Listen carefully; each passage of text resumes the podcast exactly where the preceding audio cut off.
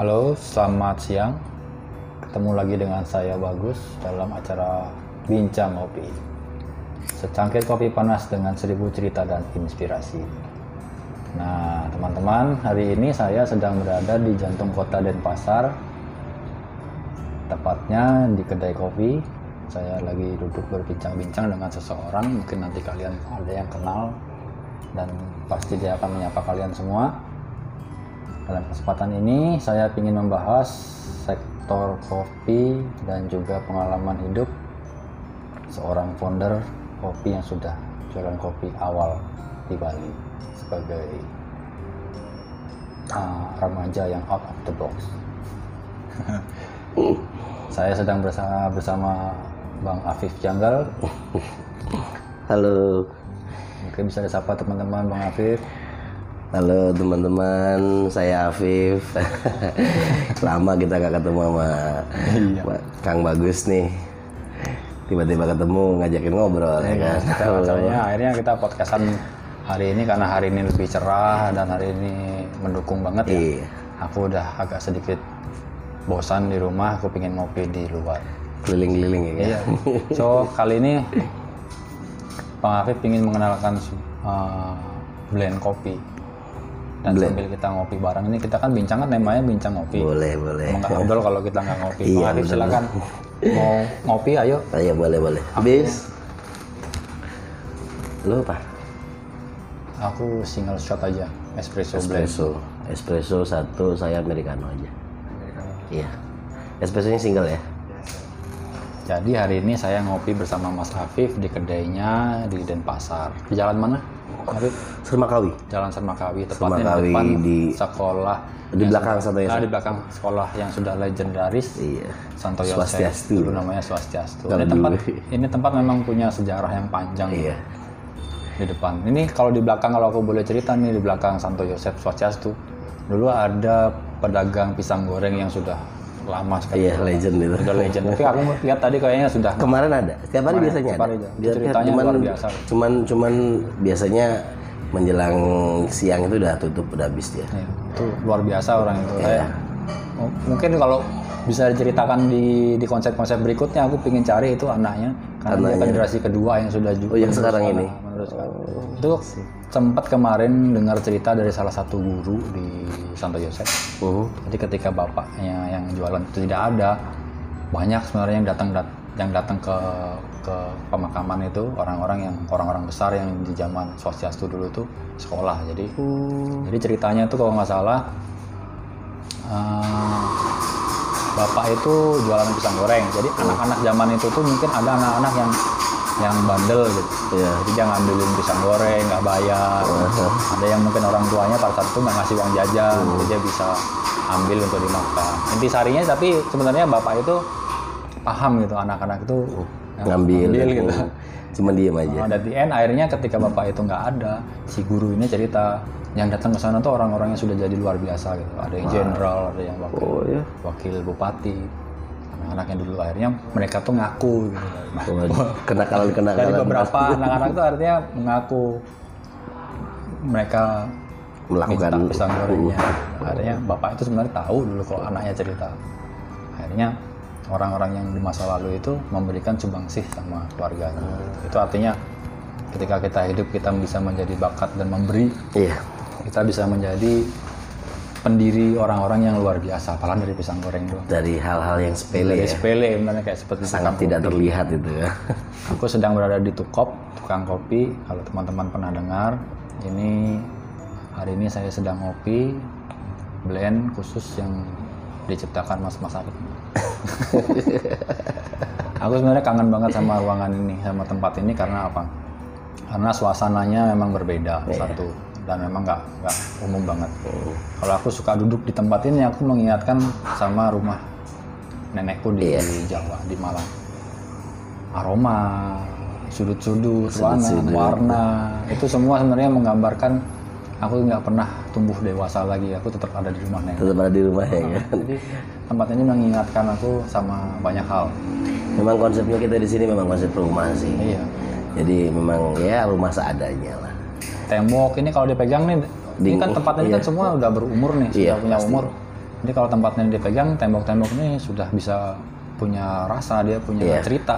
Yang megang ini dia kasih tahu, ini aku udah ada di sini lebih dari 25-30 tahun. gitu. lebih ini Lebih. ini kalau dari dari hotelnya sendiri ini kan dari sebelum dari era awal-awal Indonesia Merdeka kalau saya lihat Nah dari itu lagi, jadi kita pegang ini udah bilang kita hasil dari perjuangan. Iya betul. dari tahun 60-an hotel ini.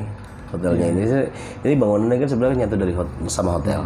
Cuman ini dulu dipakai untuk kantor bis Bali Buana Arta kalau nggak salah. Terus lama nggak dipakai. Mungkin akhirnya ya di tempat ini kita pakai kita sempat. Apalagi kalau aku ke belakang, kalau di belakang tuh kayak identik banget sama sama kehidupan sama 80. sama iya betul kayak kampung maksudnya kayak rumah di Iya, kayak rumah rumah zaman zaman dulu banget gitu kan Dan kalau mau ke toilet harus lewat lorong dulu kan itu bener memang memang diciptakan seperti itu. Karena memang kita melewati eh, rumah-rumah lama kan semua yang lorong Iya. Hampir konsepnya lorong karena memang dingin dia menjaga angin ada Menjaga. kisi-kisi Iya, pasti udara pasti itu kan semua ada ada ininya kan ada tujuannya kan sebenarnya cuman karena kita nggak paham aja kan zaman dulu kita Hmm. mungkin mikir kenapa sih harus seperti ini padahal itu kan memang diciptakan untuk agar suhunya stabil Iya, pasti. agar seperti apa Ah, bentuk dari plafonnya dari genteng Iya. semua ber- berpengaruh sama feng shui lah ya ya feng shui. Feng shui, bahasa keren bahasa- modernnya itu feng shui. feng shui. Kalau bahasa alamnya mungkin kodrat. Manusia harus menciptakan seperti ini. Itulah makanya Iya. konsep bangunan itu berpengaruh sama mood kita di mana kita duduk ngopi enjoy itu sebenarnya memberikan uh, sumbangsih sisi positif yang kita bisa cari. Mungkin kita kalau ngopi di rumah mungkin ada satu sudut di mana kalian suka duduk sambil berpikir ya kan Iya. sambil menulis sambil baca-baca berita sambil merenung ya menenung itu sebenarnya mudah sekali lah untuk kita dapatkan inspirasi di mana saja betul. tentunya dengan kopi yang enak asik kopi yang enak tuh kayak gimana mas Afif? Menurut saya kopi itu semuanya enak sih. Kalau saya nggak bisa bilang kopi kopi ini enak, kopi itu enak. Semua kopi enak, tergantung tergantung siapa yang menikmatinya. sih. iya benar Kalau misal saya bilang kopi kopi saya enak, kopinya si A nggak enak, itu kan namanya sudah sudah apa ya menghakimi atau menilai, sedangkan sedangkan belum tentu juga menurut orang lain kopi kita enak. Jadi saya ambil satu kesimpulan bahwa semua kopi enak. Selagi kopi itu masih bisa dinikmati enak. Sekarang kita ngomongin kopi. Oke kita mungkin kalau ngomongin 8 10 tahun 8 tahun ke sini atau lima tahun ke sini sem- semua orang sudah sudah sadar kopi ya. Artinya sudah mereka sudah memilah gitu kan kopi seperti kopi saya maunya kopi ini kopi itu. Kita ngomongin 15 tahun yang lalu belum tentu semua orang itu bisa memilah kopi. Apalagi zamannya pendekar lahir ya. Era-era pendekar kopi lahir. Sem- padahal pendekar kopi lahir wah itu wah itu kacau. Kalau yang- penjajahan terulang penjajahan. Setiap hampir hampir mendatangi setiap coffee shop ya kan dan menilai oh ini nah sedangkan kalau kita ngomongin 15 tahun yang ke belakang ya kita ngomongin kopi kita datang deh ke kos-kosan atau ke rumah orang kopinya semua enak karena tinggal kita tinggal minum. Dan kita nggak pernah tahu maksudnya nggak pernah nggak pernah ribet gitu tentang kopi.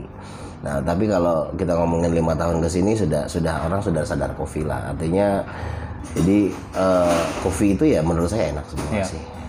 Tergantung bagaimana kita nikmatinya. Betul. Jadi kalau memang kopi itu masih bisa dinikmatin, kopi itu masih bisa dirasa, ya berarti enak. Sekarang sih ngomongin enak itu kan relatif. ya Jadi ya saya nggak mau terlalu terlalu apa terlalu meng, iya mendeskripsikan tentang tentang kopi itu enak seperti apa. Jadi ya menurut saya ketika kopinya itu bisa dinikmatin, saya anggap itu enak. eh, Seperti itu aja. sekali nih wow Nah, ini kopinya ini datang. adalah single espresso yang Afif kopinya Saya lagi lagi bikin aromanya padat ya ya body lumayan, acid juga ada balance sih. Hmm. Buat aku asamnya mendominasi tapi uh, sweetnya tinggi. Sweetnya ada ya. Dan penting ya kalau aku sendiri sebenarnya kalau bicara soal espresso aku senang asamnya lebih dominan. lebih dominan ya sedikit ya lebih Aftertaste-nya. pahit. oke lebih Ini sudah memberikan sensasi tersendiri. Ya. thank you thank you thank you kopinya seadanya Bang Hafiz sendiri buat kopi apa nih? kalau saya americano Americano ya. americano saya lebih ya lebih pengen kayak tadi tuh pengen sambil ngobrol ngopinya jadi santai Ntar gitu. kalau gua kurang ya tinggal pesen es tuh. Tinggal pesen. Single shot aja. Iya di tiba-tiba diajakin nge-podcast tentang kopi nih, wah. Ya, podcast itu sebenarnya buat seumuran aku itu sebenarnya paling ideal karena aku adalah generasi yang Nostalgia ya. dibesarkan dalam era radio. Betul, era radio. Mantap. Jadi kayak kita bernostalgia. Betul. Sampai sekarang radio tuh aku punya radio yang hampir 24 jam Lu ya, hidup di era 90-an kan? Gue juga kena, kena di kena di 90-an juga masih kena soalnya. Jadi makanya ngomongin podcast itu ya ngom- ngomongin radio itu Kita lahir di tahun sangat 80. itu. Iya, gue lahir di tahun 80 jadi grow di grow di 90. Jadi era itu ya era-era era-era menuju menuju kemajuan informatika jadinya ya iya mm, fase-fase terbaik lah. Fase-fase yang generasi yang bisa main Tamiya pergi jauh-jauh. Iya, Bisa bisa main dingdong. bisa main. Jadi dari kecil kita main udah jauh ya. Ya udah. Udah jauh. Aku tinggal di, dulu waktu kebetulan masih di Bali, aku tinggal di Parasambian. Eh. Aku mainnya sudah di ini, di belakang Santo Yosef ini. Itu Jadi di belakang Santo Yosef itu ada jual toko, toko jual Tamiya Tamiya. Iya itu yang sekarang jadi vape kalau nggak Iya, salah. itu- Tapi sekarang udah pindah lagi. Udah ke sana main. Itu legend itu. Itu naik sepeda jauh-jauh. Nggak ada nggak ada perasaan takut ya karena kendaraan terbatas. Karena Di Parasambian loh itu saya. transportasi umum tuh masih masih mendominasi. Jadi Iya. orang-orang yang kita mau naik sepeda, jalan kaki itu nggak nggak merasa Nggak worry ya? khawatir. Hmm, Nggak worry. Mungkin kejahatan Ya. dan lain-lain itu belum banyak terjadi seperti di era Sekarang, sekarang. ini. ini. Hmm. Artinya ketika kita menumbuhkan uh, generasi baru di era sekarang ini bener-bener ya, nah gimana ya pola asuhnya itu emang bener-bener Harus ini ya. bener-bener didikannya harus berdiawasi harus benar. ada dasar Iya. orang tuanya harus memberikan dasar-dasar hidup wah ini Nah, kopinya kopinya datang nih, kopinya datang nih. hati mas itu sini. kopinya goyang pasti tadi tidak aku ngajak ngobrol Aku tadi wah janji jam satu nih. Wah ini masih di rumah ya, lambat dikit lah. Karena aku dari tadi datang main keliling-keliling dulu jalan-jalan Hmm. aku lihat-lihat karena aku jarang sekali kan keluar sekarang Iya. karena ada beberapa podcast aku lakukannya via telepon Biasanya ada yang via telepon kalau Karena di yang luar Bali ya. yang jauh-jauh kayak kemarin nggak di luar Bali sih yang ada di Jembrane Oke. itu kita pakai via telepon karena Jembrane kan pembatasan nih semua Iya betul kita. ya aku pikir ya udahlah kita pak bukan berarti dengan dengan adanya PKM ini kita terbatas untuk Betul. tidak melakukan Aktivitas atau aktivitas karya ya dan sapaan gitu. artinya kita tetap bisa ber apa namanya bersilaturahmi yang penting. Hmm.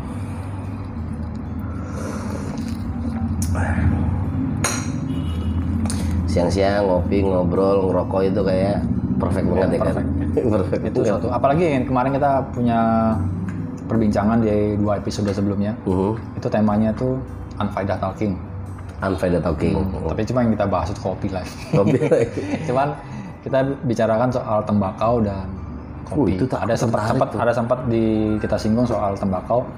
Jadi ada beberapa teman yang memang punya tembakau khusus Hmm. yang dia beli dari beberapa daerah di Indonesia. Akhirnya mereka ngeblend. Jadi ketika di situ kita bicara kita nggak ngeblend kopi aja. Iya. kita ngeblend tembakau. Jadi sebenarnya gini, kalau ngomongin tembakau itu aku dari empat tahun lalu sebenarnya aku punya satu satu konsep. Hmm. Ya ini mungkin di sini tak bocorin nih. Jadi aku sebenarnya nggak pernah cerita ke mana-mana sih. boleh Jadi mumpung karena jadi gini, faktor dasarnya adalah kita nggak jarang ketemu. Iya. Jadi sekali ketemu obrolannya hangat. Wis. Nah jadi jadi ketika obrolannya hangat ya akhirnya kan ke mana-mana tuh ngobrol. nah selagi itu masih positif ya kan kita jalan aja. Nah jadi aku empat tahun lalu tuh punya konsep. Nah punya konsep sampai sekarang tuh pengen kalau ada duit pengen aku realisasikan. Jadi uh, rencananya jadi konsepnya gini, simple sih. Jadi coffee, tea, and tobacco. Mhm. Jadi aku tuh ter- selalu tertarik. Aku memang perokok, perokok berat. Ya, tapi rokokku masih rokok konvensional ya, Ya. dan nggak pindah ke rokok zaman sekarang. Coba cerutu, tuh.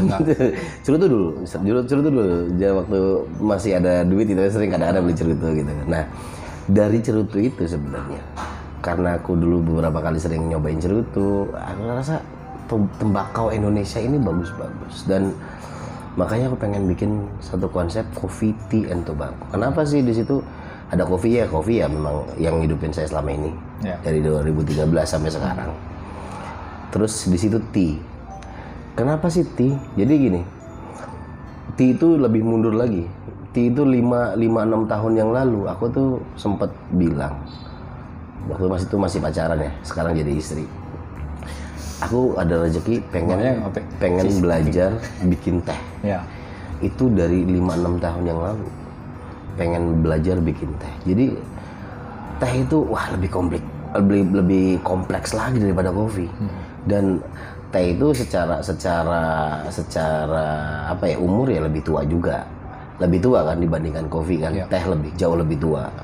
Nah terus di situ karena karena apa namanya karena aku juga seneng ngerokok makanya dari nyinggung soal tembakau makanya waktu itu terpikirlah kalau ada ada rezeki ini aku pengen bikin konsep coffee tea and tobacco jadi di situ orang datang itu ya lu datang boleh datang tapi lu nggak boleh ngerokok lu rokok lo gue siapin di locker.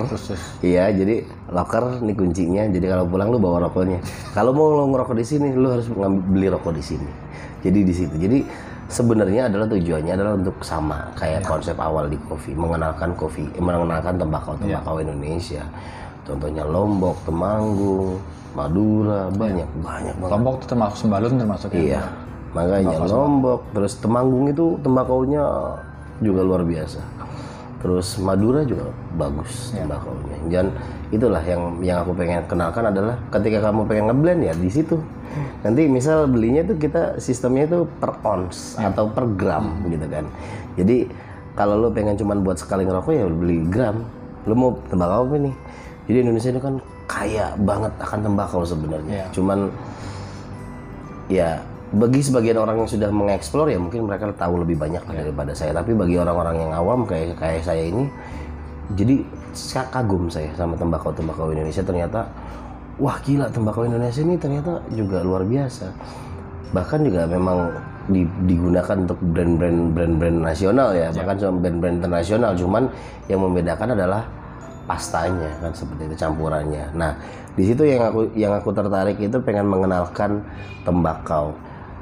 Agar apa sih kok mengenalkan tembakau ya biar orang-orang anak cucu kita atau orang-orang yang nggak tahu tentang tembakau itu jadi jadi sadar akan tembakau seperti kemas seperti dulu saya saya mengenalkan kopi jadi sadar akan kopi juga seperti itu. Nah, baik juga baik eh, begitu juga sama di teh.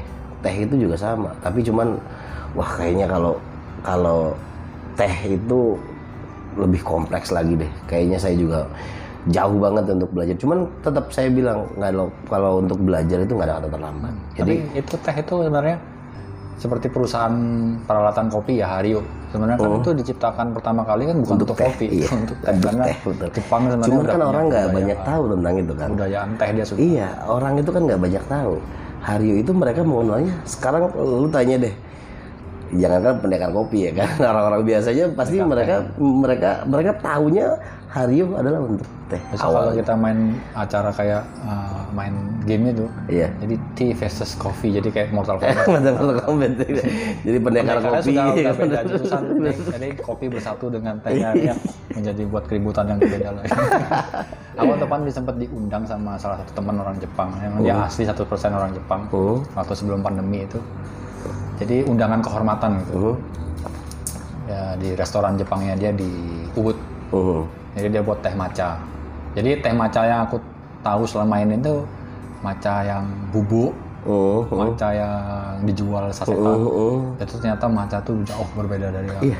jadi ketika dia membuat proses itu kalau nggak salah itu untuk menghasilkan 30 mili cairan yang harus kita minum karena setiap uh, tegukan 30 mili berarti single shot espresso ya. tiga- 30 mili setiap orang yang dikasih itu kalau nggak salah dia mem- membuat prosesnya tuh dia punya tempat seperti uh, gerobak Ruangan. gitu ruangan jadi dia duduk posisi kakinya memang Bersila. benar-benar penuh hormat Iya. dia membungkuk sama satu-satu orang sebelum membuat terus akhirnya dia menghormati peralatannya habis itu dia membuat maca lama banget Kalau nggak salah tuh dia buatnya 30 menit aku cuma menikmati sebenarnya bukan menikmati macanya menikmati, Menikmati prosesnya. prosesnya, itu Ya, artinya betul. setelah kita minum 30 mili itu itu semua sudah selesai gitu Hmm. Artinya penghormatan itu sudah selesai. Arti prosesnya itu yang benar-benar yang memberikan penghargaan sama kita Iya, yang dibuat dan pengalaman juga pastinya kan. experience artinya aku oh ternyata hal seperti ini ini budayanya memang meng- lebih menghormati ke prosesnya bukan ke ke, ke tehnya tadi. Bukan itu ke produknya kan. ke, eh, produknya itu sebenarnya cuma jembatan. selesai sampai di akhir setelah kita kita minum ya selesai. Tapi yang all. kita ingat selamanya itu adalah proses rasa cara penghormatan itu. Penghormatannya itu. Artinya, ya berarti lu termasuk orang yang beruntung. Artinya lu mendapatkan penghargaan itu langsung dari orang Jepang yang membuat juga kan? Dan itu itu nggak semua nggak nggak nggak bisa dirasakan semua orang artinya tuh pengalaman itu rasanya wah luar biasa.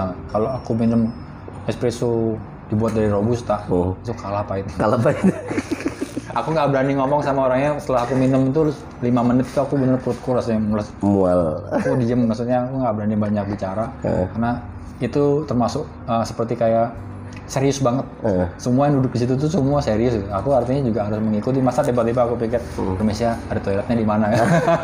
tapi itu itu detox nggak sih Detox ya. itu detox kan sebenarnya artinya yang proses yang terjadi dalam perut kita itu kan adalah detox kan? Ternyata emang kayaknya sih ya kalau ditanya lagi kayaknya tuh penuh dengan kuman gitu ya. ya mungkin Hari itu detoxnya langsung. lu sering jajan sembarangan berarti detoxnya langsung jadi ya kan Jadi setelah itu ada penghargaan setelah tea ini, Eh, ada penghargaan minuman lagi teh yang lebih. eh, artinya sebelumnya kita menjamu espressonya ya ini lebih light lagi lah ya ini lebih light tapi porsinya lebih banyak. Iya, Cuman americano lah ya mungkin ya. setelah itu dia memotong ada irisan ikan.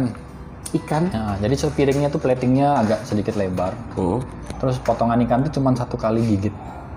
Jadi itu satu-satu kita dikasih di meja. Oh. Setelah kita makan, karena kita pakai sumpit, setelah kita makan, nah ini si, si temanku yang Jepang-Jepang ini, Hmm. dia berdoa dulu gitu dengan bahasanya dia, Iya, iya. terus dia membungkuk kepada platingnya, lalu dia makan, ngunyah. Setelah aku bingung, kan aku nggak bisa, aku Oh. mengikuti, tapi kan aku nggak ngerti maknanya artinya apa sih. Setelah selesai acara, aku tanya kenapa sih? Ah, kenapa ikan itu kan ikan pindang maksudnya. What's wrong with this pindang? Harusnya kan ikan. Itu ikannya ikan pindang. itu ikan pindang ya. Misalnya kita kita sebutnya kan Iya, kalau di sini di Indonesia itu dibaratkan ikan pindang ya. maksudnya. kita makan. Nah, ternyata temanku tuh menceritakan ketika Jepang dilanda pandemi bukan pandemik ya, kehancuran setelah era perang dunia kedua ada kehancuran setelah bom atom itu. Iya, pematum itu. Jepang itu menderita gitu. Jadi ikan pun itu susah dicari. Gitu. Ketika ikan itu dapat, itu nggak jadi rebutan. Gitu. Jadi setiap orang tuh punya jatah potongan ikan tuh harus seperti kita memakan makanan yang jumlahnya normal. Jadi penghargaan mereka setelah itu mereka menghargai ikan ikan itu seperti itu potongan itu Seperti menyelamatkan kehidupannya Iya, mereka jadi di era simbolnya itu. mereka tuh ketika mereka memakan di dalam acara maca itu Hmm. ikan itu eh, potongan slice itu itu adalah yang mereka makan dulu. Jadi kita dapat satu ikan nih, Hmm. satu potong ikan. Kita satu keluarga enam orang gitu. Hmm. Ya itu dibagi potongan enam. Sebenarnya kita punya satu keranjang, tapi satu keranjang itu kita bagi lagi ke orang lain. Biar sama-sama Biar dapat. sama-sama makan. Kita sama-sama bisa merasakan bahwa walaupun hanya sebatas di mulut Oh. kita kunyahnya, At tapi least pada saat itu kita makan kita ikan. makan gitu. Akhirnya oh aku belajar oh ternyata mereka seperti itu. Ternyata mereka luar biasa juga ya. sampai sekarang itu tetap Di- dihargai mereka dan dihormati. Iya. Aku luar biasa aku belajar akhirnya segitulah bentuk bentuk pengorbanan sama generasi Iya. generasi sebelumnya. Rasa terima kasih generasi sebelumnya itu ya Iya, jadi artinya di situ rasa terima kasih generasi sekarangnya itu sampai mungkin nanti bahkan sampai ke anak cucu. Artinya cerita itu bukan hanya sekedar cerita rakyat atau dongeng tidur ya kan. dunia itu sudah Dan itu mereka lakukan negara itu. nation. Itu bayangkan itu Jepang ya dengan dengan ikan aja ya pindangnya dia bisa membuat suatu penghormatan seluruh orang yang lahir di Jepang itu berlaku sama. Iya. Bayangkan kita dulu dijajah kita cuma dikasih pohon kopi ya daun kopi yang pahit itu masa sih generasi sekarang nggak bisa menghargai kopi, yang enak ya? aku juga bingung bahkan ketika beli kopi 5000 ya masih dikomplain gitu Itu itu kalau aku ngomongin kopi 5000 di komplain itu aku udah zaman dulu tuh, zaman era kita ngomongin gerobakan ya. Kita ngomongin era Oh iya, gerobakan ini nih. teman-teman. Jadi tukang kopi itu pertama memang sudah diberikan nama tukang kopi atau Iya memang ada lain? tukang kopi. Tukang Jadi kopi. sebenarnya awalnya ada namanya warung kita. Cuman waktu itu kita lebih konsep pakai ke kopi. Terus aku pikir-pikir kenapa ya kok aku lebih senang dengan konsep nama tukang kopi ya karena itu tadi karena aku pakai gerobak jadi gini Waktu eh, itu kan konsep kopi awalnya itu nge-booming. Booming itu artinya menjadi acuan loh. Kalau aku bisa bilang ya, kita bisa bilang jujur ya. Hmm, Aku punya temen yang senang kopi nih. hmm, Waktu itu aku belum denger namanya tukang kopi itu seperti apa. Belum tahu gerobakannya. Aku tahu lah kopi-kopi itu konvensional yang besar-besar. hmm, Temanku datang. Bro, kamu harus datang ke sini. Kamu coba. Ini kopi banyak banget. Waktu itu aku nggak bicara kopi itu banyak gitu. Mhm. Aku cuma tahu kopi robusta, Pupuan, hmm, robusta, temanggung. hmm, Terus ini ada nih tempat jualan gerobakan kopinya banyak banget. Terus ada robusta Lampung juga. Mhm. Oh ya, aku harus ke sana.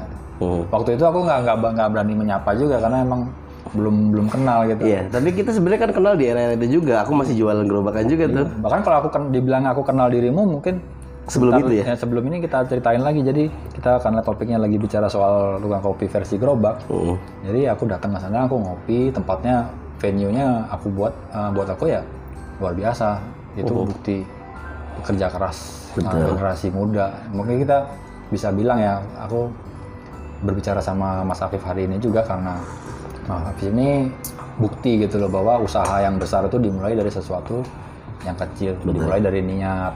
betul. Sangat kelas niat niat itu sangat sangat butuh ketika kita mau memulai satu satu usaha ya. Artinya di sini saya saya bercerita bahwa eh, bukannya kita menyepelekan modal ya. Iya. Kita kalau kita ngomongin usaha zaman sekarang pasti modal ya, jangan dijadi acuan utama kan. Tapi pada dasarnya kalau buat aku enggak. Pertama adalah niat dan kemauan. Iya. Artinya di situ ketika kita benar-benar niat, kemauan, pasti kita Pasti akan ada timbul kerja keras. Iya.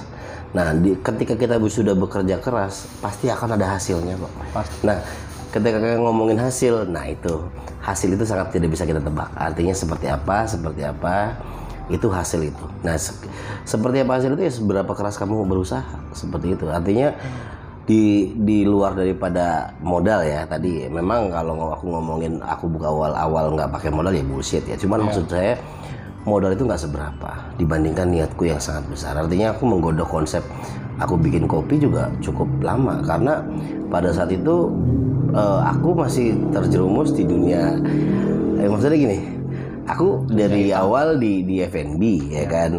Terus yakin nggak nih aku mau mau dorong gerobak buka lesehan di pinggir jalan ya kan? Sedangkan beberapa teman-teman sampai ada beberapa salah satu temanku aku masih ingat.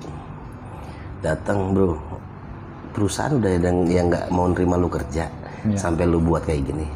Enggak aku bilang aku cuman mau aku nggak aku mau curi start dari awal. Kenapa aku bilang curi start?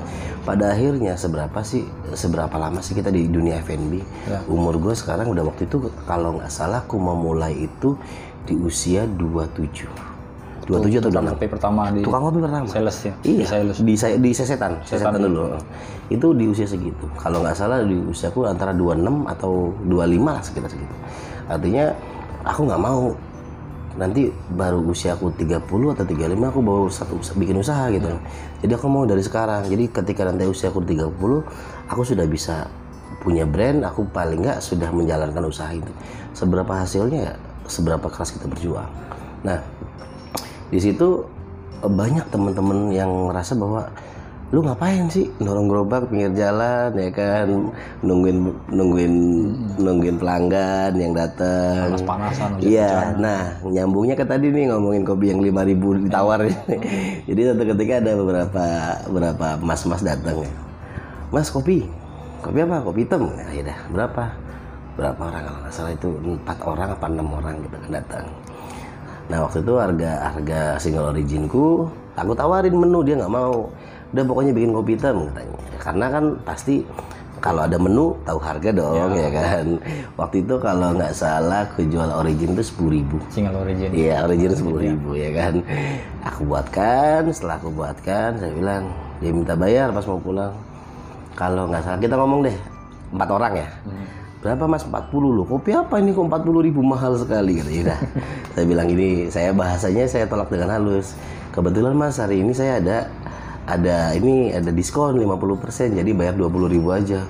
Mahal sekali ya 20 ribu masa kopi orang biasa itu, itu padahal 5 ribu loh. di masih tetap dibilang mahal. Jadi kan ada harga sepuluh ribu. Ya. Aku bilang diskon 50% dari 40 ribu jadi 20 ribu. Ya promo. Padahal karena dia ngomong kayak gitu jadi aku males inilah ya kan. Kasih harga 5 ribu masih ditawari dah gini mas, mas ada berapa bayar? Tetap dibayar 20 ribu. Cuman sambil ngerutu. Tapi dua tiga hari kemudian balik lagi. Si mas itu, mas kopi hitam katanya. Mas maaf saya bilang. Hari ini saya nggak ada promo padahal biar dia nggak komplain gitu kan. Gak apa-apa mas katanya. Bikin kayak kemarin saya nggak nemu. Kopi hitam kayak kemarin tuh enak. Ya saya buatkan lagi. Pada akhirnya jadi pelanggan Sampai sekarang? Sam- ya sampai sekarang kadang-kadang kalau ada di sini orangnya datang masih ngopi juga. Cuman kayaknya belakangan ini setahun belakangan dia orang nggak pernah datang kayaknya dia pulang ke Jawa. Dengan pandemi seperti ini ya mungkin ya kita ngomongin nah, seperti itu. Nah jadi kopi 5000 itu masih ditawar di era itu. Sedangkan sedangkan kalau kita ngomong ngo- nongkrong kopi ngo- apa ngopi di brand-brand besar ya. gila. 50.000 ribu ya kan satu cup ya kan nah sekarang ini harusnya ya kita sudah sudah harus menghargai sih. Menghargainya bukan menghargai ke kita tapi ya menghargai, prosesnya itu tadi. Karena kopi kalau ngomongin dari hulu ke hilir kan wah nggak kelar satu hari ya kan cerita hilir.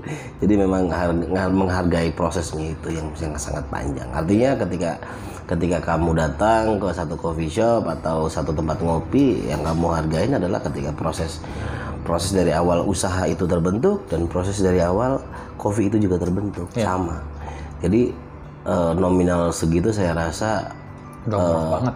iya Sekarang kalau ditanya 10.000 ribu ada ya? Maksudnya kalau sekarang sejak pandemi pasti ada. mungkin ya kalau Tapi kalau saya sebelum pandemi kita ngomong ke single origin apalagi dengan filter 10.000 ribu kayaknya Nah, mustahil lah hampir mustahil ya mungkin karena kopi punya grade ya. Iya iya iya Bisa betul. terjadi Bisa juga. terjadi cuman agak langka gitu kan. Kalau kita menyodorkan specialty kopi dengan origin yang Iya. jelas, yang pasti, aku rasa penghargaan perjalanan panjang itu pasti lebih dari 10.000 ribu value-nya. Sangat lebih, sangat lebih. Kadang-kadang ada yang 35.000 ribu yang satu.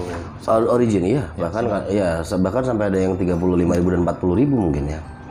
Ya, cuman ya itu tadi artinya sekarang kita mau kopi sekarang di Denpasar tuh bisa pilih. Lu mau ngopi yang harga berapa sih di range berapa? Lu datang ke coffee shop yang mana ya kan? Jadi bisa dipilih sekarang coffee shop. Coffee shop sekarang udah udah wedan. Sebenarnya kopi shop itu kita kembali lagi valuable-nya sebuah kopi itu kita kembali back to person by person. Betul. Jadi ya kayak dirimu bilang dari dulu kan, Iya. man behind the gun ya. Iya, betul. Orang pasti kembali lagi sama orang-orang yang benar-benar punya skill, terus Passion punya terutama. passion, terus dia punya di luar dari skill hidup ya. Iya. Itu namanya ada namanya kebaikan, ada welas asih, ada ada banyak hal yang memang mendukung kita tuh berkembang. Betul. Nggak Ya. hanya kopi terus kita jual mahal harga 50.000 ribu terus kita bisa menjadi orang sukses ya. Nah. Ya kayak film SpongeBob itu musuh buyutannya si siapa namanya tuh si Plankton ya. pelan- Itu mau sampai gimana pun dia Ya, nggak akan nggak bisa, bisa, seperti betul. SpongeBob. Nggak akan bisa, nggak akan pernah bisa. Dia membuat keripik patty yang enak, Iya, iya. bukan dari ingredientnya si Ingredient, kepiting betul. itu ya, tapi dari passionnya Iya. si SpongeBob itu bekerja. Kalau ngomongin kalau ngomongin ingredient di kopi kan hampir nggak ada. Apa sih yang dinamakan ingredient di kopi nggak ada.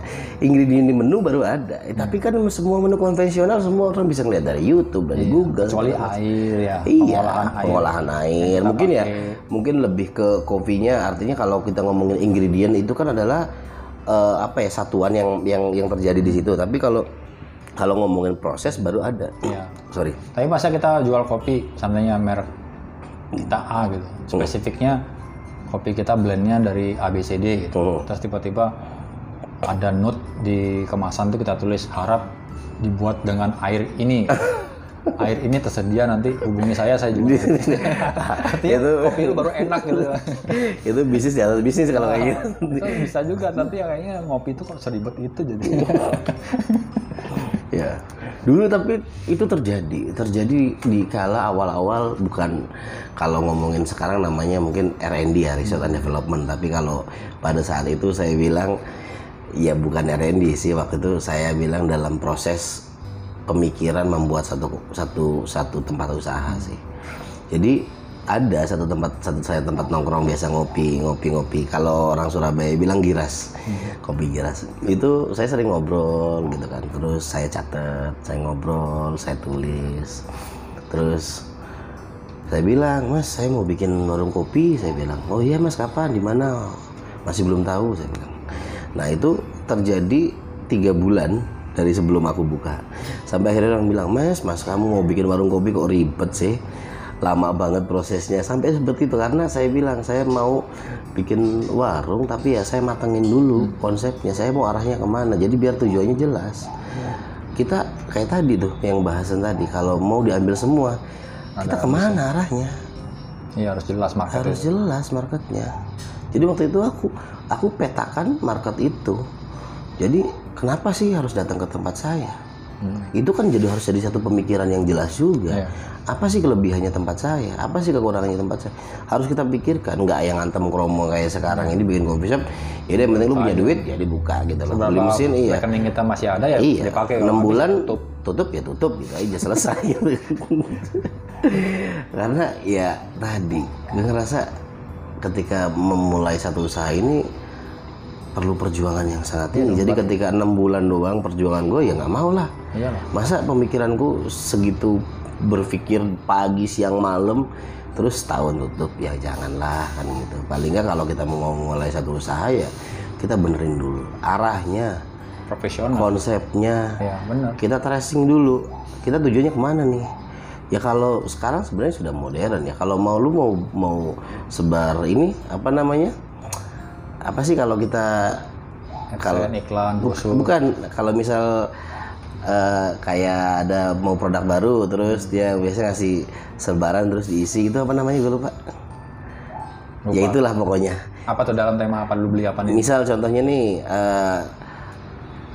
gue mau bikin ekspansi tempat baru ya kan? Terus gue ngasih ada customer datang gue ngasih selebaran tolong dong diisi. Oh quotation untuk Quotation. untuk, Iya. ah, untuk kritik dan saran. Iya kita kan sekarang bisa seperti itu. Artinya kita kita kita harus bisa bisa trace seperti itu artinya ketika mau buka satu usaha itu bener-bener bener-bener kita matangkan dulu apalagi sekarang sudah ada layanan jasa Google karena Iya. sudah bisa kasih five star Betul. Itu kan salah satu salah satu ini juga dalam bentuk dalam bentuk iya pelayanan seperti itu kan. Nah, kita harus matangkan dulu konsepnya. Artinya kita harus benar-benar pikirkan nggak yang kayak tadi. Gue punya 5 miliar. Buka satu buka satu berarti kopi shop. sultan Iya bahasa, kan? bahasa kerennya Bisa buka kopi shop 1 M ya kan. Terus ya selagi lu masih punya rekening aman-aman aja. kalau sultan sebenarnya bicara bahasa yang lagi keren ya Iya. don't play play bosku Oh. Dan bosku. itu bahasa sultan yang ibaratnya kalau dia nggak bisa mempelajari kopi dan dia cuma ingin menjadi pebisnis ya key player dia meng-hire profesional uh, employee Iya. Dia punya budget dia punya dia punya rancangan usahanya bertumbuh berapa tahun nah kalau seandainya ada beberapa teman-teman hanya coba-coba usaha Oh. uang pas-pasan ilmu nggak punya pengalaman nggak punya terus kita mau ngomong gimana coba Jadi kayak yang tadi terjadi beli dulu ya kan, baru belajar. kan terlambat itu jadi boleh seperti itu kalau ya boleh-boleh aja. kalau kita bener-bener yakin ya Iya. ada ini panggilan tadinya siapa tahu malam mendapat hidayah besok kamu berdaganglah kopi Iya. kamu akan memperbaiki dunia perkopian nah iya besok dia langsung belanja punya mobil punya semua dijual beli mesin beli kopi. Habis itu baru belajar ya. baru belajar Ya kalau Nah, kembali lagi itu nggak ada habisnya sih sebenarnya. kembali lagi ke tema tadi nih Bang Arif kita kembali ke gerobak nah Oh. perjalanan gerobak tadi kan sempat terputus nih Ya, bisa dilanjutin lagi tuh cerita gerobak Tadi sampai mana tadi ya? orang ngopi komplain terus ya sama- komplain. Nah, dari situ juga perjalananku juga cukup panjang ya. Itu kita dari yang cuman sehari itu cuman dapat satu gelas, dua gelas. Nah, di saat itu di saat itu sudah mulai rame. Kita singkat cerita udah mulai rame nih di di sesetan nih. Mulai rame waktu itu menjelang mau lebaran karena itu puasa, mau lebaran saya tutup dua hari saya bilang. Saya bilang saya mau tutup dulu dua hari libur sama sama teman-teman customer gitu kan. Nah faktanya itu tuh tutup dua bulan. Karena jadi yang punya tempat namanya kita ngontrak emperan ya kan. Emperan itu tidak pernah ada kontrak secara jelas kan. Artinya tidak ada kontrak tertulis lu kapan aja mau buka dan kapan aja mereka mau ngekat kita itu sesuka mereka kan. Nah, itu yang yang sering banyak terjadi ya. Betul, usaha-usaha. itu itu itu jadi jadi jadi pertimbangan juga nantinya artinya ketika teman-teman nanti mau memulai satu usaha emperan, ketika mau buat emperan itu baik kita awal-awal itu kita paling tidak bikin satu surat perjanjian yang jelas. Walaupun hanya materai. Iya. artinya ada ada perjanjian secara tertulis. Artinya ketika mereka mau ngekat paling tidak mereka ngasih kesempatan 2-3 bulan sebelumnya sudah harus ada announcement gitu kan seperti itu. Nah jadi itu yang terjadi di, di tempatku usahaku. Saya bilang mau libur dua hari karena kan kita bayar bayar kontrakannya bayar kontrak sewanya itu setiap bulan. Bulan ya. Ya jadi waktu itu memang saya harus mau bayar. Jadi saya bilang libur besok libur jadi besok sekalian bayar untuk bulan berikutnya gitu kan. Nah ternyata tempat itu nggak dikasih perpanjang karena ada orang yang mau bayar lebih mahal. Wow tapi di dalam industri yang sama? Di eh, bukan. Dia lebih ke food. Jadi karena waktu tempat rame ya diambil venue Ya kalau mau kamu setengahan sama sama orang ini. Jadi karena mereka lebih bayar lebih mahal, setengahan. Jadi mereka mau mendompleng di situ. Sorry, ke keegoisan gue terjadi karena aku nggak mau, karena aku ngerasa membuat satu ngumpulin kerumunan ini susah kan. ngumpulin orang datang ini susah. Jadi ketika ada orang datang satu tuh kesempatan yang sangat besar jangan disisain. Artinya kita servis betul. Jadi orang itu biar gimana caranya biar balik lagi, biar nyaman, biar enak nongkrong. Nah ternyata waktu itu tidak ada tidak ada kesepakatan dan akhirnya aku putuskan ya sudah berarti saya tidak perpanjang di situ. Nah itu baru lagi rame. Ya ada rezeki sedikit selama 8 bulan itu ya habis lagi lah habis lagi dan itu dua bulan lebih saya baru mendapatkan tempat baru di Sailus. Salus itu? Iya, ternyata Salus itu juga memberikan power yang baru. Ternyata justru itu tadi karena saya percaya dan aku yakin bahwa kayak tadi tuh ketika kita ngomongin kebaikan segala macam memang itu ada itu terjadi. Itu aku pada saat itu sedikit pun aku tidak merasa wah nanti customerku hilang. Nggak ada aku yakin kok. Aku yakin aku bisa dapat satu tempat yang lebih besar dan rezekiku lebih bagus. Dan itu tadi namanya ujian. Ketika kita ujian kan mau naik kelas Ya. ya ujian dulu dong. Pasti. Kalau lu lulus ujian ya kan nilainya di atas 5 atau di atas 6 ya lulus ujian naik kelas. Kalau enggak ya lu tetap stay di situ kan gitu. Nah ya nampaknya mungkin Tuhan ngasih memberi pertolongan. memberi pertolongan ngasih saya rezeki di situ ternyata lebih. Bahkan omset di situ berkali-kali lipat 10 kali lipat dari omset pertama dari tempat yang pertama. Artinya di situ saya dengan konsep lesehan saya bisa make money sebul sehari itu 5-6 juta. Hmm. luar biasa loh. Luar biasa. Bayangin kalau sebulan pego. Untuk usaha yang iya. restoran aja kalau saat ini kayaknya nggak nyampe segitu kalau saat ini ya kita ngomongin. Saat ini artinya Iya. saat ya musim seperti ini. musim seperti ini kan nggak nyampe kayak gitu dengan dengan segitu waktu itu sangat luar biasa. Akhirnya expand ya terjadilah akhirnya expand expand expand dari mulai lesehan ber- mencoba untuk pengen bikin satu tempat nongkrong yang lebih nyaman lah bahasanya seperti itu. Buka di jalan Tukar Barito. Ya Barito Barat. sana Barat apa Timur ya itu lupa saya namanya Ya. sebelah sana itu agak agak nggak nggak terlalu paham di mana iya iya cuman kita sebelah sana tukang Nah itu di sana akhirnya sampai ke sini nih. Nah akhirnya bertahan di sini. ya Akhirnya sampai sekarang bertahan di sini. Jadi sebenarnya kalau ditanya ada rindu nggak sih masa-masa bikin gerobak eh, waktu pas proses gerobak ada? pasti dong itu kan tonggak awal Iya Semua rindu rindu ada. Rindu sangat. Cuman pertimbangan mau bikin lagi nggak? Mungkin nanti dengan konsep yang baru dan tetap pakai gerobak mungkin nanti. jadi ya jadi lebih lebih lebih kita matangin dulu pemikirannya, konsepnya dan modalnya juga kan. dan manajemen tentunya ya Betul, yang pasti yang pasti manajemen, yang pasti usaha itu pasti ya manajemen lah pasti betul nomor satu. itu nomor satu. Ki, mau usaha besar mau usaha kecil usaha baru berdiri manajemen itu kalau bisa dari awal sudah Iya. pasti dan jelas gitu ya hitungannya seperti apa supaya menjaga kegagalan di kemudian hari yaitu. Bisa ditanggulangi lah.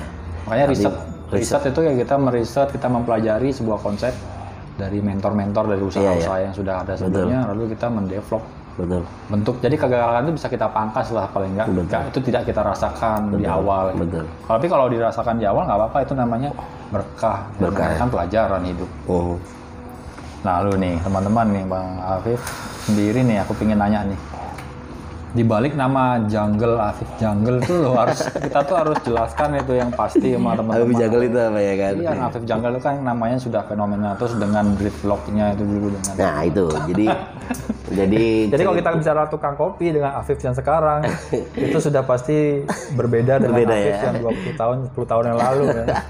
yang aku pingin denger ini Afif Jungle. Jungle. Jadi dulu tuh kan zaman masih muda ya kan. Sekarang masih muda lah. gua. Zaman-zaman masih belia gitu kan, lagi unyu-unyunya. Jadi dulu seneng memang karena kerja di di satu satu klub reggae. juga nggak masalah kita nyebutkan brandnya ya. Karena apa? Masalahnya ini pendengar nih ya, Oh. ada teman-temannya di luar negeri, Uh, ada teman-teman ya, di Jakarta, Oh, dia tahu pernah hidup di era-era Di era itu. Kadang-kadang kalau dia dengar, wah itu, eh tempat masih eksis nggak sih? Iya betul betul. Jadi dulu aku kerja di klub reggae di Bali, ah, itu di Apache namanya. Apache itu mungkin kalau penggemar reggae di Indonesia saya rasa yang pernah ke Bali kayaknya kurang afdol mereka kalau nggak mampir ke Apache dan bahkan musisi-musisi Indonesia, musisi reggae Indonesia kalau mereka mereka bergenre ska atau reggae Ketika mereka ke Bali, mereka kalau nggak manggung di Apache, kayaknya mereka kayak belum diakui gitu loh. Apalagi di depan Apache itu ada bar rock and roll kan ya. Iya, server bar. Itu satu manajemen server bar itu rock and roll bar. Jadi jadi kita ngomongin Apache itu kalau musisi Indo- ini salah satu pengakuan ya dari teman-teman musisi Iya. waktu itu. Wah, kalau gue main musik reggae atau ska di Indonesia, kalau belum main di Apache, belum manggung di Apache, kayaknya gue belum diakui nih, Nggak belum dapet stempel ya kan. Harus internasional, internasional iya ya, betul. Nah jadi saya rasa kalau penggemar reggae di khususnya di Bali, Indonesia, saya rasa pasti tahu yang pernah ke Bali. Kal- Mereka pasti pernah tahu apa. Nah dulu aku salah satu bartender di sana. Nah dulu aku dreadlock. Ya, Dreadlock ya terakhir itu 2015 saya potong. Masa itu sepanjang lutut. Iya 15. Jadi kita ketemu awal tuh masih dreadlock loh. masa sih? Tapi nggak terlalu panjang. Masa sih Sudah segini. kita ketemu di sesetan itu? Seset di tempatnya Om William. Iya. One Bin. Heeh, itu One Bin. Udah deadlock gitu, masih deadlock. Masih deadlock dan itu selutut. Jadi 2015 aku putuskan untuk ah udahlah kayaknya udah cukup deh nih masa berege-rege Karena waktu itu waktu di tempatnya Om William yang aku ingat pertama kali dari Afif yang dengan uh, style seperti itu, yang aku selalu ingat tuh di tengah pembicaraan yang lagi seru pamit dia mau sholat dulu. Apa itu emang udah emang sudah tanda-tanda emang sudah ada Betul. gitu ya. Betul. Jadi jadi dari dunia yang dunia yang awal nih ya kan dunia dunia di di Apache ya kan terus memulai 3 2012 memulai berhenti terus 2013 awal eh pertengah awal itu sudah mulai pengen wah capek gua. Bukan sorry, maksudnya tidak ada maksud apa pun ya. Di sini gue ngomongin fair, tidak ada maksud apa pun. Jadi semua orang itu kan pasti menemukan perjalanan hidupnya. Artinya pengen seperti apa itu kan kita yang menentukan. pasti. Jadi artinya eh, kita mau hidup maju, mau hidup seperti ini aja, mau hidup tambah mundur itu kan kita yang menentukan, bukan orang lain. Nah artinya di situ saya, ah gue capek nih hidup kayak gini mulu nih. Mabok ya kita semua iya pastilah. Gimana namanya, apalagi bartender ya kan. Tiap hari kalau nggak mabok ya. Waktu itu yang aku tahu ya aku pasti ya pernah berbincang kita dalam Iya. satu bar ya. Mungkin aku pernah memesan sesuatu mungkin, ketemu tapi kita nggak pernah tahu ya kan. itulah takdir ya. Ketika takdir itu akhirnya satu titik kita bertemu dengan seseorang akhirnya titik lainnya kita ketemu dengan dimensi yang pekerjaan berbeda ketemu lagi Ketemu lagi. ketemu dan ketemu lagi Kalau kita satu frekuensi, satu dimensi, kayak saya rasa pasti bakal ketemu terus. kita karena akan dilengkapi dengan informasi dengan orang-orang yang sebenarnya sudah bertemu di titik-titik sebelum Iya sebelumnya betul. Nah lanjut lagi tadi nih, aku ngerasa wah aku pengen stop lebih ke lebih ke kesehatan sih sebenarnya. Lebih ke kesehatan ya kan. Jadi duit juga nggak ada lah buat minum. jadi jadi rekening sudah mulai nipis nih. Sekarang kalau udah mulai pengen minum, ya mau nggak mau harus minum dong. ya dong Terus kalau duit nggak ada gimana? Ya kan masa akhirnya jadi bertindak konyol gitu kan. Jadi dari situ aku udah ada antisipasi nih. Jadi daripada ketika aku pengen minum terus nggak duit nggak ada ya udah aku berusaha untuk mengurangi. ya Jadi 2012 start itu sebenarnya dari 2012 udah start mengurangi minum, mengurangi minum, mengurangi minum. Nah, ya namanya kita beragama ya kan pasti ada pengen lah ke ingat Hidayah lah. iya betul ingat lah ke siapa kita akan kembali. ya kan seperti itu jadi akhirnya dari situ mulai belajar untuk sholat lagi belajar paling tidak dari kontrol dari hal-hal yang dilarang dulu deh ya Iya. kan hal-hal yang dilarang dulu kita kontrol sudah bisa kontrol ya udah kalau kita memang mau coba untuk belajar sholat ya sholat lagi sholat Itulah life, lagi life experience itu kan pengalaman hidup. Kita nggak jangan menolak masa lalu ya. Masa lalu kan sudah terbentuk, tapi nggak jadi acuan di masa depan tuh kita berubah untuk tidak lebih baik lagi gitu. Nggak ada alasan. Jadi harus kita pecahkan Iya. tembok yang menghalangi pikiran-pikiran terus kita hancurkan. semua itu tergantung niat dan kemauan Iya. Nah, nah dari situ mulai sudah mulai sholat. 13 itu mulai awal bikin tukang kopi itu udah mulai sholat sholat sholat. Nah kita ketemu itu di 2013 akhir-akhir ya kalau nggak 2014 awal itu antara itulah Bicara pokoknya. mesin nih gitu. Iya kita bicara mesin roasting waktu itu kan. Nah jadi ya kalau pas lagi ngobrol udah waktunya sholat ya pamit saya sholat dulu gitu.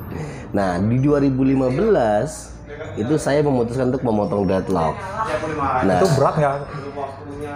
kalau ngomongin berat enggak. Tapi kalau ngomongin eh, karena udah niat ya. Pada saat itu aku punya teman-teman capster. Hmm. tapi satu pun nggak akan nggak ada yang mau motong dreadlock loh. sampai satu ketika ayo potongin rambut. Nggak mau mas. Ayo potongin rambut. Nggak mau mas. Sayang mas. Sayang mas. Sayang cuman waktu itu memang udah niat. Jadi akhirnya gini aku potong dulu ya kan? Satu-satu potong-potong. Kan waktu itu ada 30 nggak? kalau nangis nggak. Cuman ngerasa ada yang hilang ya Ya, karena yang itu kita kembali lagi sesuatu ya kan kayak tadi bangunan itu kan mengingatkan kita sama sejarah. Apalagi itu yang melekat eh betul sama tubuh kita. apalagi kita setiap hari itu nempel ya kan Kayak itu sudah menjadi sim- simboyan dan simbolik kita bahwa dreadlock itu adalah my lifestyle. Iya, aku kenapa sih dreadlock ya? Karena aku suka. Bahkan kalau memang sekarang ini kalau istriku ngasih, aku pengen dreadlock lagi gitu. Wig aja. Nanti dia bisa dicopot. Nah, balik lagi ke ngomongin rambut, aku potong satu-satu. Setelah aku potong, baru aku datang ke tempat temenku, Mas, potongin rambutku. Nggak mau katanya, aku buka helm. Wih, rambutnya udah potong, udah rapiin tolong tolong. Akhirnya baru mereka mau rapiin, mau rapiin dari situ, dah, ya udahlah. Karena satu gini, Kang, itu tadi kan di di balik alasan-alasan kesehatan, terus eh, perjalanan hidup juga, aku ngerasa ini bukan dunia bar. Bar itu Oke, stylemu seperti apa orang bakal menghargai. Ya. Tapi kalau aku di coffee, apalagi di bu- buka gerobakan di pinggir jalan, Dreadlock. kayak pakai dreadlock, lu kayak preman ya kan? Jadinya, jadi aku mau menghilangkan image seperti itu. Jadi orang-orang tuh sebenarnya sih banyak udah beberapa customer, bang kenapa dipotong, bang kenapa dipotong? Ya sudah, aku sih biar menghargai bahwa biar produkku terlihat bersih dan Ya, aku ya. rapi. Karena alasannya lebih ke higienis ya. Higienisnya seperti itu. Ke- Jadi karena FMB kan ya surf ya. betul, surfing. betul apalagi waktu itu aku masih ngendel langsung kan. Jadi Ya. Jadi aku nggak mau orang berpikir ini orang bersih nggak sih ya kan dreadlock padahal kalau ngomongin dreadlock Kan dirawat. kalau ngomongin dreadlock uangku lebih banyak habis untuk perawatan rambut malah mahal ya. pewangi- samponya pewangi. banyak toniknya banyak wah itu itu lebih banyak ngeluarin uang Makanya ketika kita cinta sama rambut, itu lebih jodohnya di rambutnya. iya. Habis uangnya ke ke sana semua. salon dua kali lipat bang bayar. Jadi kalau orang kerimbat itu bayar lima puluh ribu aku bayar seratus ribu. Di awal ditanya mas dua kali bayarnya ya nggak apa-apa ya karena aku tahu kalau orang kerimbat itu cuma 30 menit aku bisa 45 menit. Iya. jadi seperti itu. Nah terus akhirnya berjalan ya sampai sekarang ini. Sampai sekarang ini. Nah jungle ngomongin jungle tadi ya. Iya. Nah, aku kan dreadlock tuh, nongkrong, nongkrong di Sanur waktu itu. Nongkrong di Sanur, terus kalau nggak salah itu orang Jamaika lewat. Oke. Terus dia bilang, "Hey, jungle." aku diem aja. "Hey, jungle." What, me? Aku bilang kayak gitu. Ya.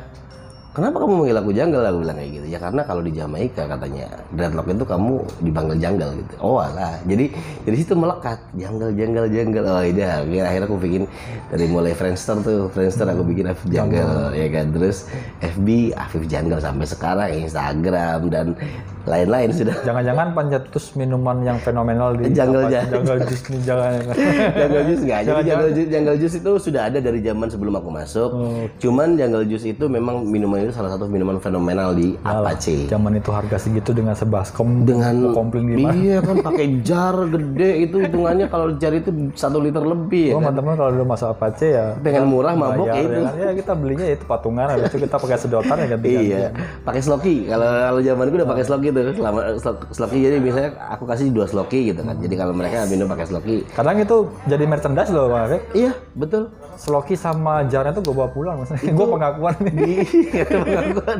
Tapi di sebelah di sebelah office-nya Apache itu ada ada ada merchandise dan itu jual slokinya. Iya. Slokinya. gue nggak mau beli maksudnya karena minumannya Pengakuan sudah, ya kan? sudah patungan maksudnya masa gue suruh beli Sloki Ownernya juga nggak akan nggak akan miskin gara-gara dicolong satu ya kan. iya itu gimana kita sukses tuh di mana dimulai dari memberi. Betul. memberi kesenangan kepada orang-orang yang datang. betul betul. Betul bahkan ya betul itu aku aku rasa bahwa ketika aku membuat kopi aku terus ngobrol aku samperin satu-satu kan segitu banyaknya aku samperin.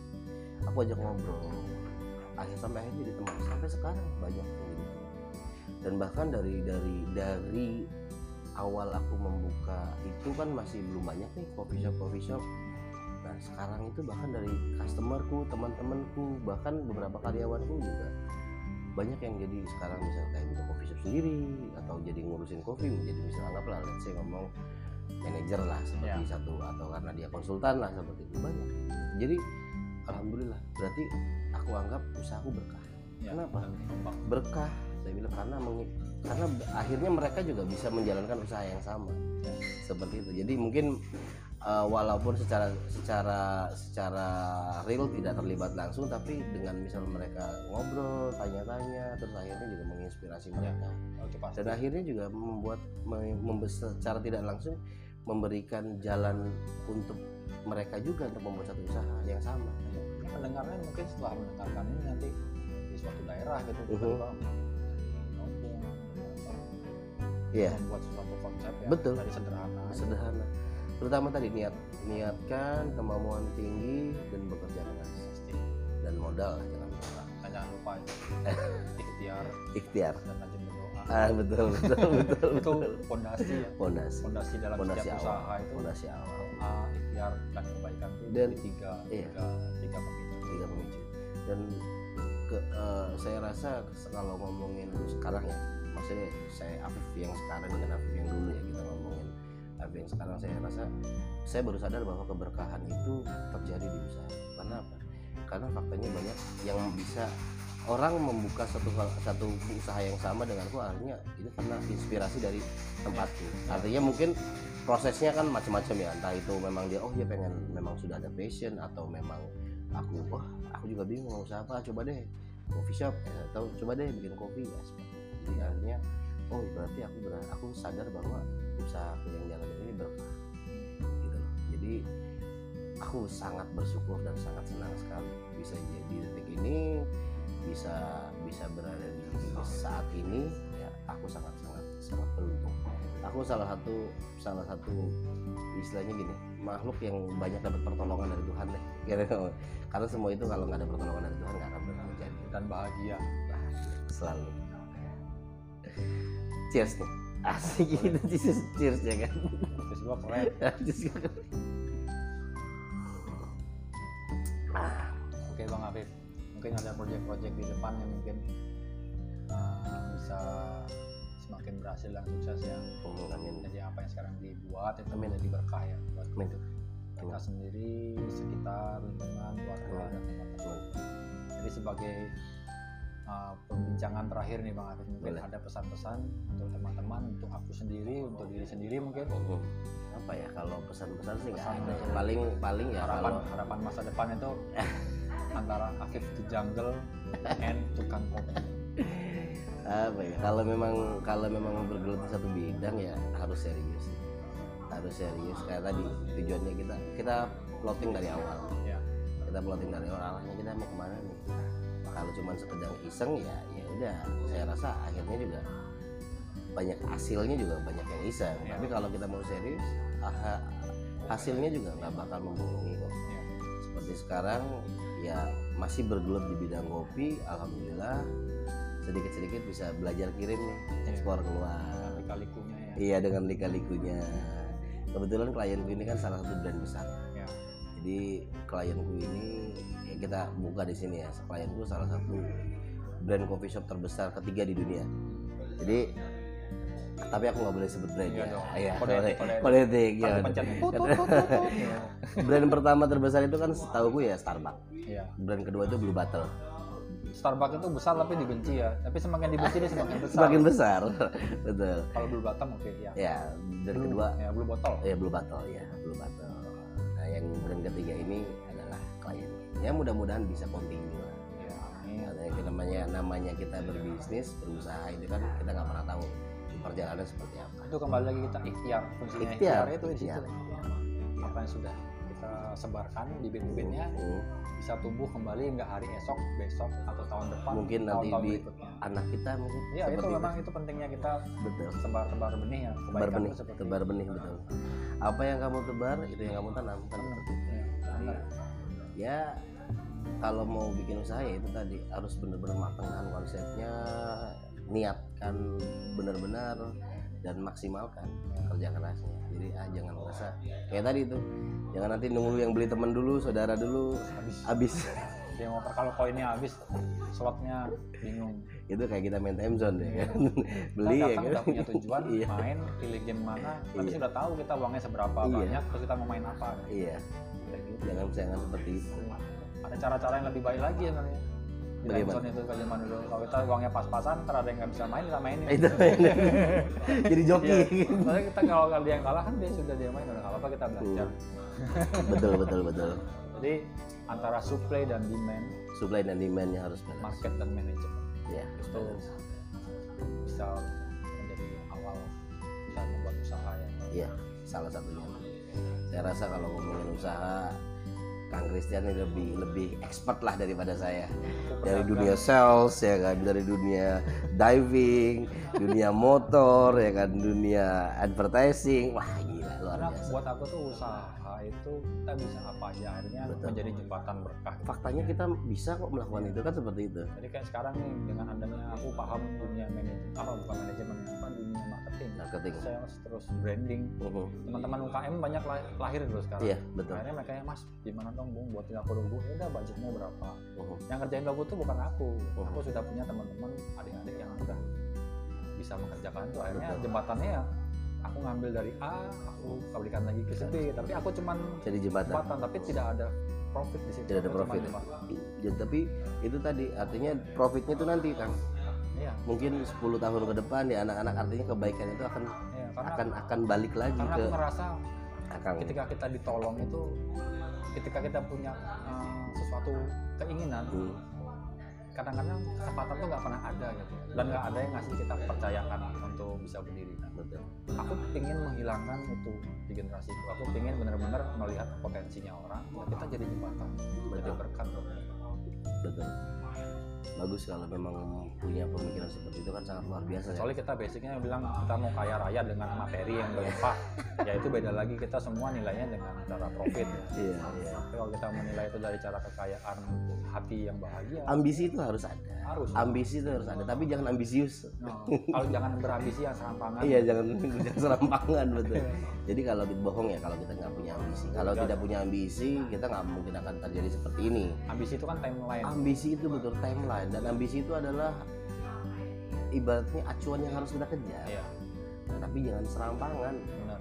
Iya kan, misal gini, contoh nih gue di kopi ya kan, terus ambisinya misal apa gitu kan, nggak mungkin kadang-kadang bisa terjadi. Iya. Ambisinya pengen mengejar Jeff Bezos gitu. Kan, tapi bisa jadi. Bisa jadi. karena kan ketika kita mau kita mau menjadi Mhm. seperti mereka ada selalu cara Tapi kan maksudnya kan dengan dengan dengan dengan yang saya bilang tadi, ya kalau kemungkinan itu kan pasti ada ya. Kemungkinan itu nggak mungkin lah pasti ada. Cuma maksudnya kalau Jeff Bezos dan Bill Gates itu kan orang powerful gitu. kita bisa cuman cukupnya itu satu perumahan iya. Ya kan? satu pulau. Itu udah luar biasa jadi kita harus melakukan kita percaya kita bisa menguasai suatu peta betul. satu market setelah itu kita berkembang lagi berkembang lagi. Betul. dan satu lagi kang harus out of the box. Ya. itu sangat penting. Karena eh, ketika kita mau kita ketika kita mau berhasil ya saya rasa kita harus punya karya ya karya kita jadi harus bisa mengkreat sesuatu. Jadi jangan jangan terus menerus menjadi followers. Ya. Paling tidak kita sesekali lah kita punya satu pemikiran yang lebih maju atau satu pemikiran yang di luar daripada orang-orang. kan terkadang sedikit berbeda jauh lebih baik daripada terlihat sama. Tapi sakit loh. Jadi pionir itu sakit wow berdarah-darah bukan sakit lagi. Berdarah-darah berdarah-darah. Karena orang kebanyakan kita menjadi suatu pola ya menjadi Iya. suatu pen- pendahulu iya. Kadang kan orang kan nggak bisa menebak. Betul. Nggak bisa menebak apa yang kita buat. Betul. Itu kadang-kadang kita itu yang menjadi pan- uh, panutan buat mereka. Betul. Artinya ketika kita diikutin tuh pentalan-pentalan yang datang ke kita tuh bener-bener rasanya tuh kayak ombak. Tiap hari berapa jam tuh gelombangnya itu kita bisa iya. swing bayangkan iya. menjadi orang yang mendahului membuat sesuatu. Jalannya emang berat Ya, dan Bu. aku yakin orang-orang yang bisa melewati itu dia melewati fase-fase hidup yang kritis iya. Dia mampu bertahan dalam sebuah berbagai iya betul. Bertahan itu sangat penting. ya. Iya Bang artinya Afif kan mereka ditempa dari mendorong gerobak diledekin sama orang. Karena mereka nggak mungkin nggak membayangkan. Karena mereka nggak tahu sih ngapain sih? Ya kan ngapain sih? Ada pekerjaan yang lebih mulia lagi nggak? Iya. kecuali dagang kopi tapi Iya, dorongan. Iya. atau enggak lu buka tempat di mall atau sewanya mungkin. Mereka itulah harapan-harapan sosial ketika mereka nggak paham apa yang kita lakukan. Karena saya rasa setelah saya melewati fase itu saya akan tidak akan terjadi seperti ini atau saya tidak akan berada di titik ini kalau tidak melewati fase itu berkahnya adalah karakter yang kuat. Betul. Itu kan tempaan itu terjadi ya untuk membentuk karakter Iya. membentuk kita jadi seperti ini. Artinya pengalaman pengalaman pengalaman itu adalah guru yang paling berharga. Katanya kan seperti itu ya. Jadi saya rasa itu semua memang harus dilewati. Jadi ketika ada teman-teman yang mau membuka satu usaha di luar coffee shop ya maksudnya apa pun itu ya. Jadi saya rasa ketika apalagi mungkin ya dengan fase kayak sekarang ini nih dalam situasi ppkm dan pandemi seperti ini itu ya mungkin salah satu bagian dari dari tempaan mereka juga. Ya yang mereka baru muncul. Seksi alam ya. Iya, waduh, gue baru muncul kok. Udah kena pandemi ya kan. Banyak teman-teman yang ngeluh banyak kasihan juga sebenarnya. Tapi ya mau gimana lagi jadi saya pun di sini ya harus bisa bertahan survive. Seleksi alam itu bakal terjadi. Ada yang tumbuh ada yang hilang. Itu akan terus silih berganti datangan. Jadi ya ketika kal- kal- ketika kalian bisa bertahan dan mempertahankannya ya saya rasa luar biasa mungkin ya teman-teman yang lagi mengalami situasi seperti ini gitu kan ketika nanti selesai mereka bisa berhasil selesai di era pandemi ini saya rasa mereka akan besar kita Saya semua. kita kan semua generasi kita yang semua. diseleksi. Iya. Tapi aku bisa bilang yang orang-orang yang bertahan saat sekarang ini lupa. Iya, legend. Karena kita masih bisa bernafas sampai betul. Artinya wah sangat luar biasa.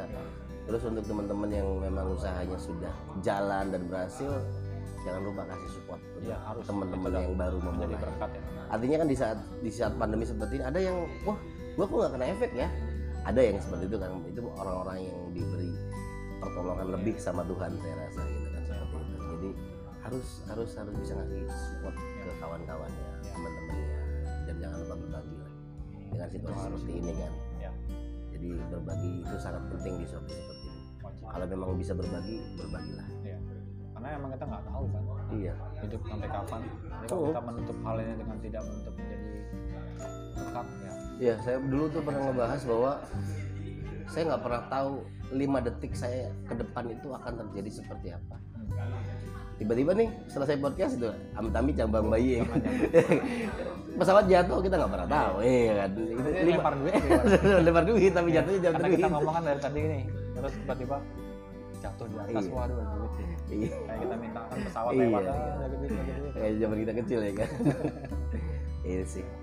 Positive thinking harus positive thinking harus dan ya harus harus lebih kuat lah. Iya. harus lebih more stronger Oke. dengan kita seperti ini. teman-teman sebagai penutup dalam perbincangan di podcast ini bincang ngopi ini adalah kopi tegukan terakhir saya Thank walaupun you sudah, asam ya Iya. karena kopi ya basicnya yang baik itu ya aku waktu apa bilang ya kalau semakin dingin Iya. rasa asam tuh lebih mendominasi Lebih naik.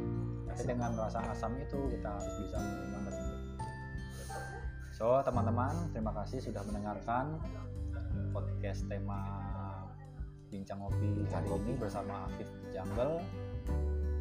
Buat kalian semua tetap semangat, tetap dalam lingkungan positif, tetap dalam sekarang orang-orang yang stay healthy ya tetap sehat tetap kesehatan itu penting. Kesehatan terima kasih teman-teman. Sampai jumpa kepada edisi berikutnya. Di bincang tetap bersama saya Christian Bagus di sini. Dan saya Afif terima kasih. Selamat siang dan sampai jumpa. thank you